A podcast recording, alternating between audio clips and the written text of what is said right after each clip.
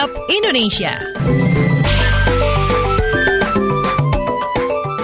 Waktunya kita keliling Indonesia di WhatsApp Indonesia. Kita mulai dari Jakarta, KPU simulasi pemungutan suara dengan penerapan protokol kesehatan. Kita simak laporan reporter KBR Mutia Kusuma Wardani. Selamat pagi. Selamat pagi, Komisi Pemilihan Umum KPU mengklaim telah melaksanakan empat kali simulasi pemungutan suara Pilkada serentak 2020 sesuai protokol kesehatan COVID-19.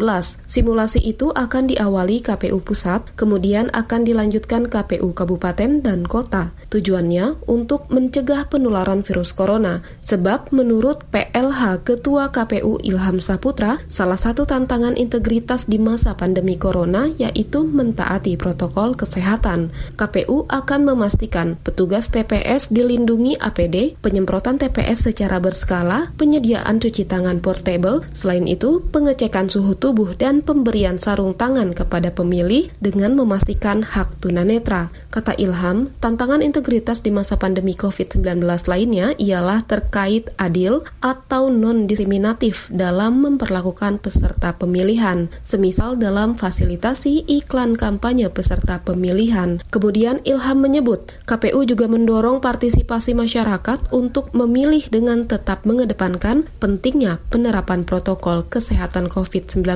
Demikian saya Mutia Kusuma Wardani melaporkan untuk KBR.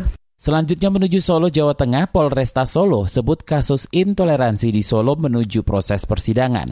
Selengkapnya dilaporkan kontributor KBR Yuda Satriawan. Selamat pagi. Selamat pagi, Polresta Solo menyatakan akan mengungkap kasus intoleransi yang terjadi di Solo hingga tuntas. Kapolresta Solo Ade Safri Simanjutak mengatakan dari 12 tersangka yang dijerat, hampir seluruh berkasnya menuju proses peradilan. Menurut Ade, proses persidangan ini kemungkinan akan dipindah ke Semarang. Polresta Solo terus mengembangkan kasus intoleransi anarkis yang terjadi saat perayaan pernikahan tokoh agama di Solo Agustus lalu. 12 orang yang ditangkap dan sudah berstatus tersangka. Polisi masih memburu para pelaku lainnya karena polisi sudah mengantar mengantongi identitas anggota kelompok tersebut. Video kasus intoleransi yang berisi peristiwa penyerangan dan perusakan itu sempat viral di media sosial. Belum diketahui motif dari puluhan orang yang mendatangi, menyerang dan melukai tiga orang di sekitar lokasi kejadian. Tiga korban dilarikan ke rumah sakit karena luka di bagian tubuhnya. Bahkan Kapolresta Solo dan anggotanya saat itu yang mengevakuasi sejumlah warga yang dikepung mengalami pukulan di tubuhnya dari kelompok anarkis yang menyerang.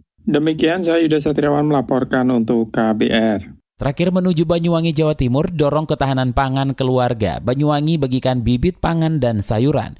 Selengkapnya kita simak kontributor KBR Hermawan. Selamat pagi. Selamat pagi, Dinas Pertanian dan Ketahanan Pangan Banyuwangi, Jawa Timur membagikan benih tanaman pangan dan sayuran kepada masyarakat untuk ditanam di halaman rumahnya. Kepala Bidang Hortikultura pada Dinas Pertanian dan Ketahanan Pangan Banyuwangi, Ilham Juanda mengatakan lewat program Family Framing, pihaknya telah membagikan bantuan berupa benih padi, jagung, dan sayuran kepada para ibu-ibu kelompok wanita tani. Kata dia ada 450 ibu rumah tangga prasejahtera mendapatkan bantuan tersebut. Setiap penerima mendapat mendapatkan 1 kg benih padi, 2,5 ons benih jagung, dan 150 kantong polybag. Kata Ilham, semua bibit yang dibagikan itu sudah siap tanam, sebab bibit-bibit tersebut sudah dicampur dengan pupuk. Bantuan bibit tersebut diprioritaskan untuk ibu-ibu kelompok tani dari keluarga prasejahtera. Harapannya lewat aktivitas bercocok tanam ini bisa membantu kecukupan makanan pokok warga prasejahtera. Demikian dari Banyuwangi, saya Hermawan melaporkan untuk KBR.